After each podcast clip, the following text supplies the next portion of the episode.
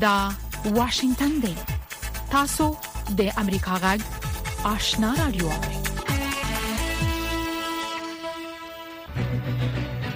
قدرمن اوریدونکو السلام علیکم زه شافیا سردار یم دا د امریکا جغ آشنا رادیو خبرونه پیښه لومړی به خبرونه واوري السلام علیکم زه نذرانه یوسف سیم تاسو د دې وخت خبرونه اورئ د پنځمې پر ورځ جولای شلمه اروپای ټولنې د افغانستان په ګډون د شپږو هیوادونو په اتل سم اشخاص او پنځو بنسټونو د بشري حقوقو د جدي سرغړونو لامل بندیزونه ولګول د طالبانو د حکومت د پوهنې وزیر مولوی حبیب الله د عدلی وزیر عبدالحکیم شری او د قاضي القضات عبدالحکیم حقانی د جنسیت په بنسټ د تاوتریخوالي لامل د اورپای ټولنې د بندیزونو په لیست کې شامل شوی چې په کې د افغان خزو او د جنو د زده کړو له حق څخه انکار عدالت ته نه لاسرسي او د خزو او نارینو ترمنځ نابرابري شامل ده دغه تر مخه هم اروپאי ټولنې طالبان د حکومت د لوړو زده کړو په سرپرست وزیر ندا محمد ندیم او د امر بن معروف ونهي پر سرپرست وزیر محمد خان د حنفي بندیزونه لګولي وو د دین د زده کړې له حق نه د افغان خزو او جنو د محرومولو او حنفي د بیان د ازادۍ له حق نه د خزو د محرومولو او هغه خزو ته چې د طالبانو امر نه مني د سخت سزا ورکولو او وړاندې د تاوتریخوالي لامل بندیزونه لګول شوې دي په افغانستان کې د پوهنتونونو د کانکور د ازموینې د بهیر د پیل سره هم مهاله د افغان مرمنو او جنو د حقوقو په برخه کې د امریکا د بهرنیو چارو وزارت ځانګړي استاذ میرمن رینا امیری د کانکور په ازموینه کې د جنو د ګډون د غوښتنې نه ملاتړ کړی دی میرمن امیری د خپل ټوټر په پاڼه لیکلي چې د افغان جنو بریا د افغانستان بریا ده میرمن امیری لیکلي طالبان باید د خپل ایدئولوژي په ځای هوا د اولسته لومړیتوب ورکړي هغه دا څرګندونه په داسې حال کې کړې چې د طالبانو حکومت د کانکور په ازموینه کې د ګډون فوري فورمې یوازې د دولس ټولګو نه فارغ شو هلکانو ته استولې دي او جنکې یې به ورخه پاتې کړي د متحده ایالاتو د بهرنیو چارو وزارت وایي چې طالبانو ته دا خبره واضح کړې ده چې د هر ډول نړیوال مشروعیت د ترلاسه کولو لپاره باید ځینې مشخص اقدام وکړي د وزارت ویاند میتیو میلر د چهارشنبه په ورځ جولای نولسمه په یو خبري کانفرنس کې د امریکا غږ افغانستان څنګه د وی پښتنې په جواب کې ویل چې طالبان د نړیوال مشروعیت د ترلاسه کولو څخه خورا لري دي ملر زیاته کړه موږ طالبانو ته ښکاره ویلي کې غواړي هر ډول نړیوال مشروعیت چې ورته د رسیدو څخه ډیر لري دي تر لاسه کړي ځینې مشخص اقدامات شته چې موږ هیله لرو وایي کړی نو موړي معلومات ورنکړل چې دا مشخص اقدامات کوم دي خو ویل چې د خزو په اړه د طالبانو په ورستیو اقداماتو خبر دي طالبانو په خزو باندې د بندیزونو په لړ کې د خزو په سنگارتونونو هم کلک بندیز ولګاو او د چهارشنبه په ورځ د دغه بندیز د غندلو په ضد د خزو لاریون هم وځپو. عراق د پنځشنبې په ورځ جولای شلمه ورسته له هغه د سویډن سفیر وشړو چې اوکس په سټاکهولم کې په مظاهره کې د قران نسخه تر خپل لاندې کړې دا کار څو ساعت وروسته له هغه وشو چې په سټاکهولم کې د قران د سوزولو د پلان په خبرګون کې په بغداد کې مظاهره کوونکو د سویډن سفارت ته ننوتل او ودانۍ ته ور واچو په سویډن کې میش اته درش کلن عراقي کډوال سلوان مومي کچ شاوخوا یو مېش مخکې د قران نسخه ته ورسولو د پنجشنبې پر ورځ یې قران ونه سوځاوه، خو د مسلمانانو دغه سپېڅلی کتاب یې تر خپو لاندې او په لغتو وواهه. په سویډن او نورو اروپايي هېوادونو کې د مخ هم د ښې اړخو او نورو فعالانو لاریونونه شوي چې د بیان د ازادۍ ساتنه په ډاګه کوي، په کومو مظاهرو کې چې مذهبي سمبولونه یا کتابونو ته سپکاوی پراخ اعتراضونه پارولي او دیپلوماتیک کړکېچ ته یې لمن وهلې ده. د جرمني چارواکي وایي پایتخت برلین ته یو زمری ننوتو په ښار کې یې رخبره کړې د جرمني پولیسو د پنځشنبه په ورځ ویل چې د ښار په جنوبي سندو کې د دغه زمری د نیولو هڅه کوي او د سیمې د اوسیدونکو نه غوښتي چې په خپل کورونه کې پاتې شي په برلین کې پولیسو د هغه روسته د خطر زنګ ووهو چې د برلین د مرکز نه 15 کیلومتره لري د برانډنبرګ سیمې اوسیدونکو یوې زمري ولید چې په سړک کې د یو ځنګلي خنزیر د نیولو هڅه کوله او پړې پولیسو ته رپورټ ورکو د پاکستان د خیبر پښتونخوا په قبایلی سیمه کې د پولیسو په مرکز ځانمرګي برید شوی د پولیسو په ګډون څلور تنه پکې وژل شوی او 15 نور زخمیان شوی دي عیني شاهدانو د امریکا ډیوه رادیو ته ویلي چې دوه ځانمرګو بریدګرو لومړی ډزې وکړې او بیا یې د محلي ادارې او د پولیسو مرکز ودانۍ دروازې مخې ته ځانونه په چاودیدونکو توکو والوزول د ځایي پولیسو په وینا د ویجاړو شو ودانیو د خاورو او خزلو نه د جستونو د راستلو لپاره د جګورنې عملیات روان دي خو تر اوسه د مرګ جوړ دی کرشمیر نه دی معلوم درمنو اوریدونکو دا ولې د وخت خبره خبرونه مو د امریکا جغ آشنا رادیو څخه واوریدل قدرمن اوریدونکو زموږ په دې خبرونه کې د افغانستان سیمه او نړۍ د روانو حالات په اړه کې مهم مطالب او د امریکا جغ سرمقاله لرو هله د خبرونه تر پای واوري لومړی به دا راپورټ واوري چې د طالبانو د حکومت د لوړو زده کړو وزارت د پوهنتونونو او لوړو زده کړو موسسو د 1402 لمریز کال د کانکور ازموینې بهیر په 11 ولایتونو کې د پنځشنبه په ورځ پیل کړ خو دغه حکومت د کانکور ملي ادارې ویلي ازموینه یوازې د هلکانو څخه اخیستل کیږي او جنونو ته په کانکور کې د ګډون اجازه نشته یو شمیر د 12م ټولګي فارغ سوي انجونی وایي چې دوی بیا د طالبانو په دې پریکړې مایوس سوي دي نور حال زموږ د خبريال اکرام شینواری پر پورت کوي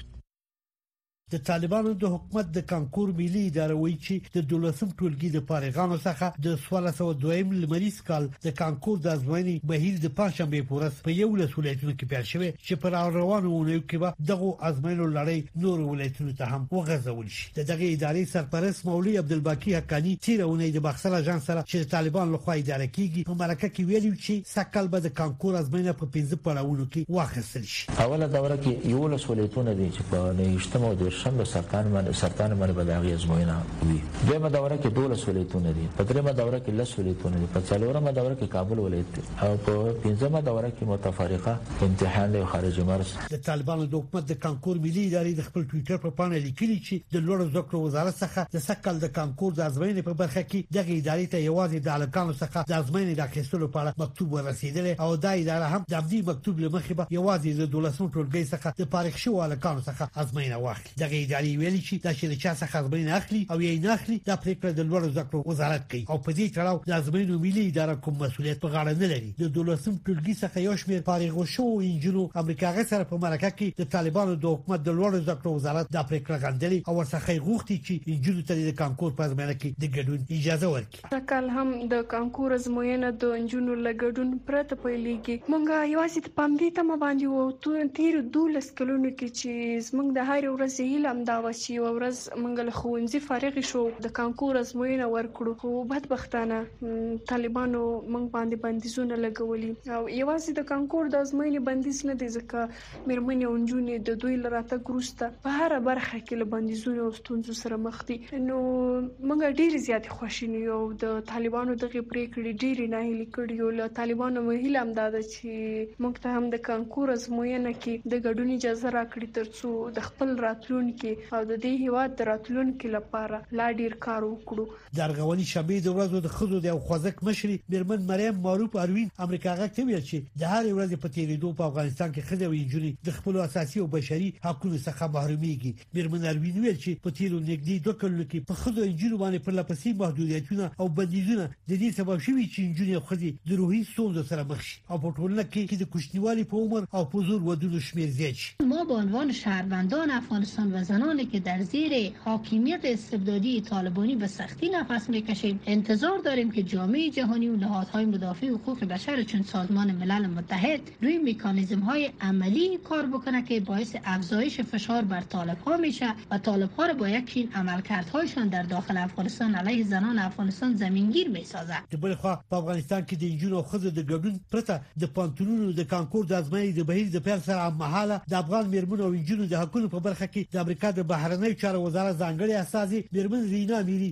د کانکور په ازمایه کې د انجونو د ګډون د غوښتنې څخه ملاتړ کړي میرمن میری د پنځمې پورز د خپل ټویټر په پاڼه لیکلي چې طالبان باید د خپل ایډیولوژي پر ځای هیواد او ولس ته لومړیتوب ورکړي تر اوسه لا څرګنده نه ده چې د سکل د کانکور په ازموینه کې به څومره د دولسو ټولګي فارغان برخه واخلي او څومره به په پانتونو او د لوړو زده کړو په موسسو کې جذب شي په تیر 2001 لمریز کال د کانکور په ازموینه کې چې د دولسو ټولګي څخه د فارغ شوو انجونو د ګډون پرته اخیستل شوی و شاوخوا 150 زره د دولسو ټولګي فارغانو هلکانو ګډون کړو طالبانو په دوه زره یوویشت میلادي کال د اګست په میاشت کې په افغانستان کې واک ته د رسېدو وروسته د شپږم ټولګي څخه پورته د منځنۍ او لیسو د دورو ټولګیو کې د نجونو په زده کړو بندیز لګولی همداشان د طالبانو حکومت د لوړو زده کړو وزارت د تیر دوه زره دویشتم کال د ډسمبر په وروستۍ اونۍ کې په پوهنتونونو او د لوړو زده کړو په موسسو کې د ښځو او نجونو په زده کړو هم بندیز ولګاوه طالبان وایي چې د شریعت په چوکاټ کې د ښځو ټولو انتظار پای ته ورسید ترنو لیدونکو او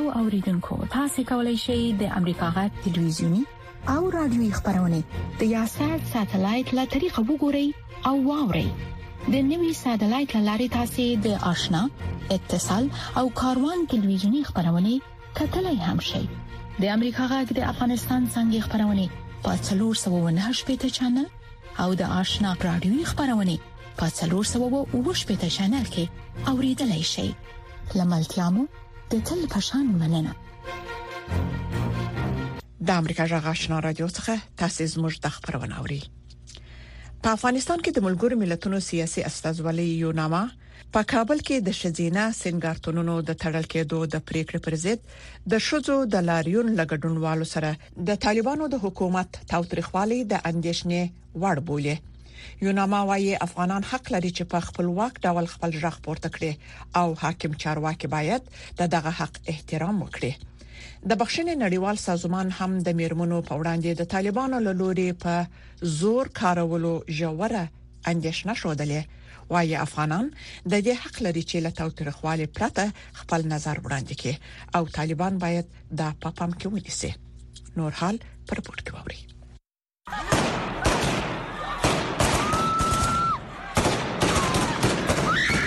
ښځینه سنگارتونونو د تړل کېدو په خبرګون کې اعتراض چې د طالبانو له تاوتریخوالي سره مخ شو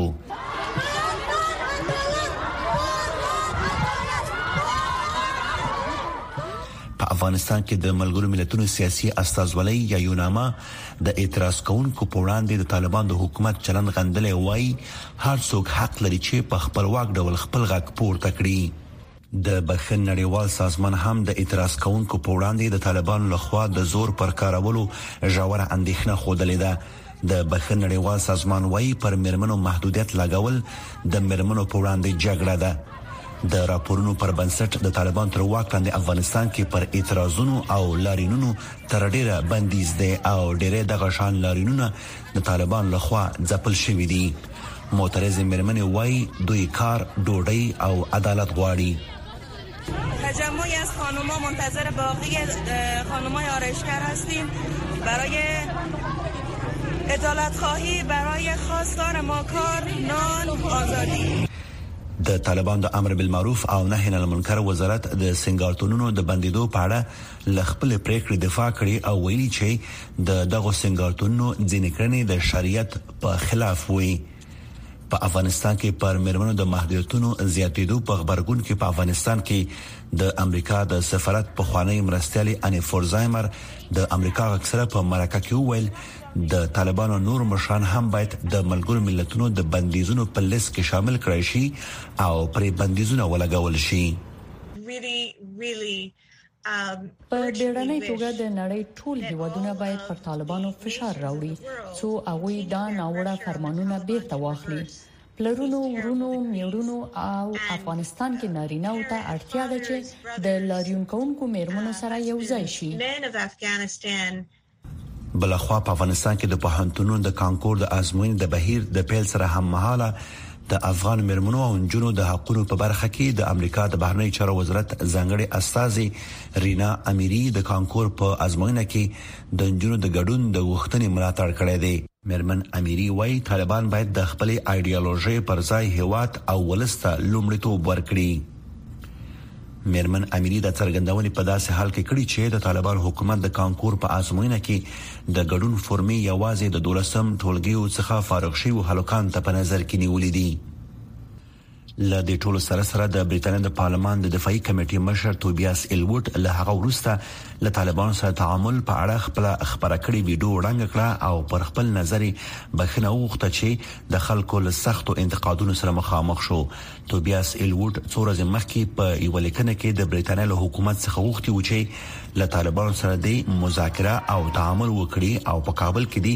بیرته خپل سفارت پرانیزي مګر اوس وایي چې هلته د مرمنو حقونه تر پخو لاندې شوي او اقتصاد د پرزیدو سره مخ دی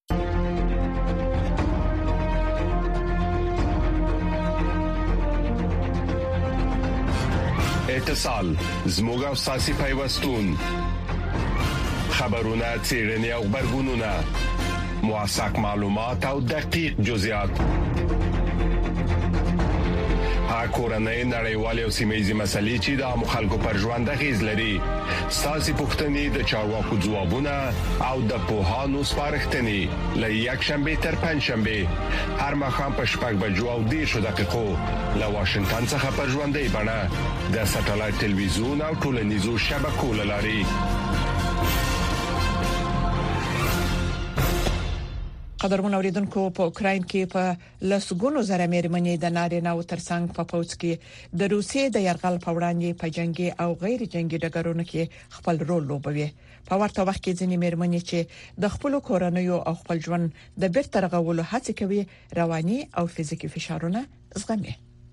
پامکړی راپور ده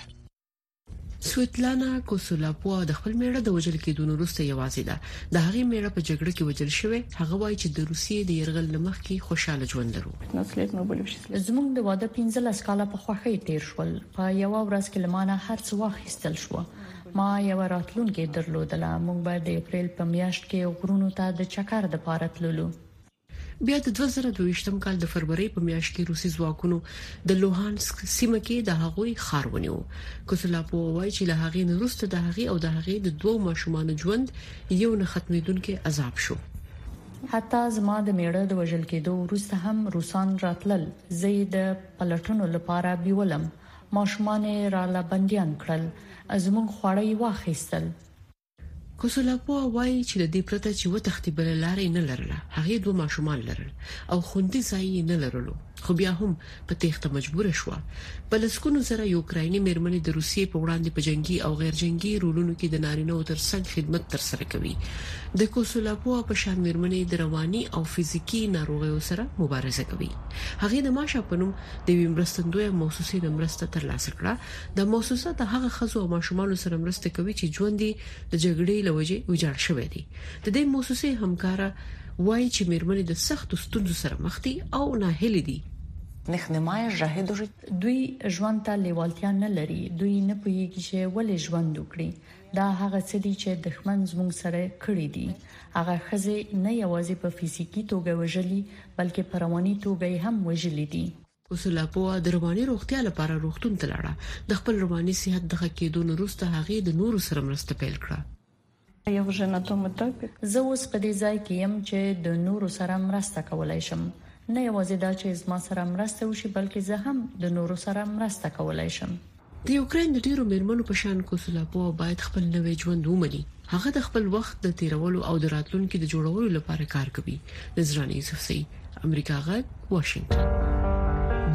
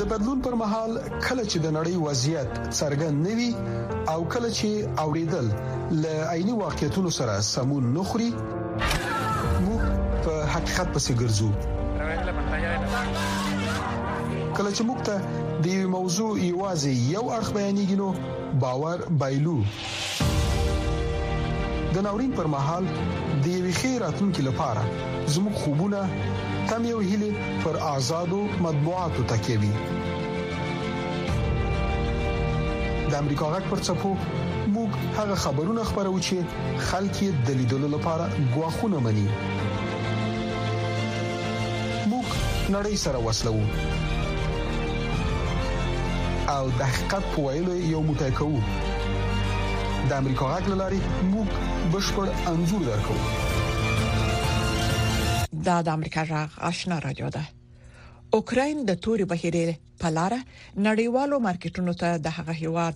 د غله جاتو د لیږلو د دوام غږ کړی. دا خواست یې وروسته له هغه کړی چې روسیه په روانه اونۍ کې په خوندي توګه د اوکراین د غنمو د درې اړخیزې موافقتنامې د مودې له غځولو څخه انکار وکړ. د څارونکو په باور د اوکراین د غنمو د لیږلو لپاره بل هر نوی انتظام د ترکیې همکارۍ ته اړتیا لري. د استانبول څخه به د امریکا جغ د خبريال دورن جونز درلېږل رپورت خلاصه زموږ همکار سید سلیمان شاه تاسو ته واوروي هغه موافقه نه د مسکو د وټو د اعلان په تعقیب چې له یوکرين سره د ملګرو ملتونو او ترکیې په منځګړیتوب لاسلیک کړي و خوراکي موادو بار روستۍ مالوړونکي کښتۍ د تور بهيري په لار روانه شو د دې موافقتنامې له رویه روسیې تضمین ورکړی و چې له یوکراني کښتیو سره به غرض نه کوي او د جنګ له سیمې نه به په امن کې تیریږي.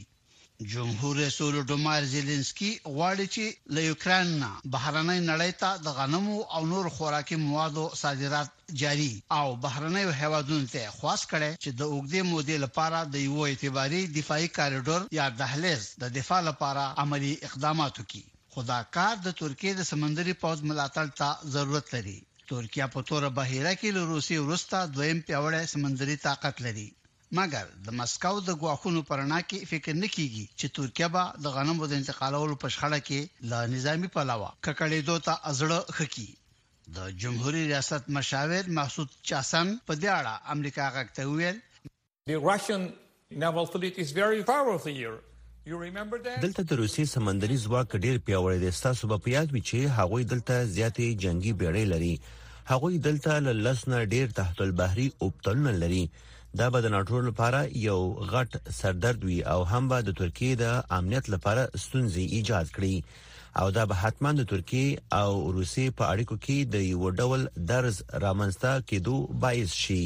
که انقره ورسره مرسته ونه کړي ممکن چې د ناټو یو شمېر نور غړي هوادونه به وغواړي په دوامدار توګه د تورې بحیرې په لار د یوکران د غله دانو د صادرولو په خاطر اقدام وکړي چې د ماهرانو په باور د نړۍ په ځینو برخو کې د خوراکي موادو د بیاو د پورته ختو او د قان د رامنځته کېدو د مخنیوي لپاره د دغه ستونزې یو اساسي حل خورا زیات اهمیت لري.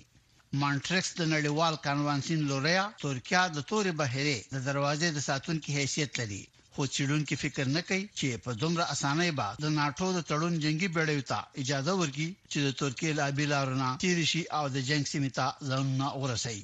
د استانبول د قادر حس د پوهنتون د نړیوالو اړیکو د رشتې استاد پروفیسر سرحد ګوونچ په دې اړه وویل، هغه کښتیګانې چې په ډېره اسانۍ په نښه کېدای شي او په اغلب ګومان شتون به یې د ناټو او روسیې ترمنځ کړکېچ کم نه کړي بلکې د زیاتېدو سبب به یې شي او واقعاً له همدې کبله ترکیې وړاندیز کړی چې انډیوالي او نور هیوادونه باید توري بحری ته د جنگي کښتیو د استولو پر پلان لسره غور وکړي تیر کال پر یوکرين د روسي د بشپړ پوځي يرغل نه وروسته انقره د روسي او د ناټو د سمندري ځواکونو د جنگي کښتیو پر مخ د ترکیې په ابي لارو د تیریدو لاره ډب کړې او وايي چې دا دريځي د يوکراين د جنګ په وړاندې د متوازنې پاليسۍ برخه ده او جمهور رئيس رجب طيب اردوان له همدې امله ادعا کوي چې د خپلې همدې پاليسۍ په مرستې وکولای شو چې د ملګرو ملتونو په همکارۍ د تورې بحيرې له لارې د غنمو د صادرولو په خاطر د روسيې او يوکراين ترمنځ د توافقنامې د لاسليکولو لپاره منځګړيتوب وکړي. د ترکیې د جمهوري ریاست سلاکار امریکا غږ ته په دې اړه یو وارې بیا داسې وویل.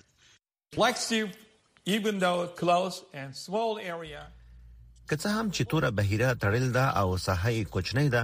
د نړۍ تر ټولو زیاتو خطرناکو سیمو له جملې نه ده لومړی باید یو څوک د کرملین دروازه پرانیزي دا کار د ترکیه وکړي ترکیه بهر ته په نړیواله کچه د غنمو د وړو او پاستې د صادرولو څلورم غټ هیواد دی او که له یوکراین نه د غنمو د انتقالولو ستونزه رفع نه شي، نو اقتصاد ته به تر ټولو زیات تاوان واوړي. په داسې حال کې چې د ترکیې په ابي ګودرونو کې د یوکراین په غله دانو بار کښتیو تګ راتګ درېدلی، څارونکي اټکل کوي چې په نړۍ کې د خوراکي موادو د بیو د لوړېدو سره سم به د دې بحران د حل کولو لپاره فشار هم زیات شي. سید سلیمان شاه د امریکا غږ واشنگتن انتظار پای ته ورسید ترنو لیدونکو او اوریدونکو تاسو کولی شئ د امریکا غږ ټلویزیونی او رادیوي خبرونه د یاسر ساتلایت له طریقه وګورئ او واورئ د نوي ساتلایت لارې تاسو د آشنا اتصال او کاروان ټلویزیونی خبرونه کتلای هم شئ د امریکا غږ د افغانستان څنګه خبرونه په 398 چنل او د آشنا رادیوي خبرونه په 390 چینل کې اوریدلای شئ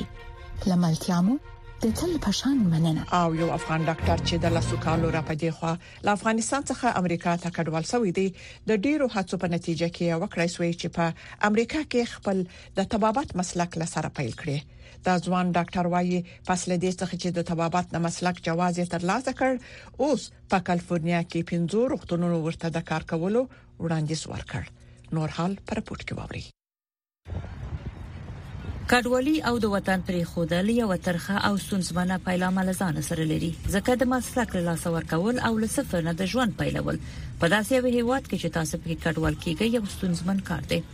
خو د امریکا د کالیفورنیا په ایالت کې یو افغان وکول شو چې په دې هیواد کې خپل د طبابت مسلک بیا ځلې پیل کړي هغه د یو اس ملي د ازموینې وروسته د طبابت جواز ترلاسه کړ د افغان ډاکټر عنایت الله نیازی په 2013 میلادي کال کې د کابل د طبي پوهنتون فارغ شوی دی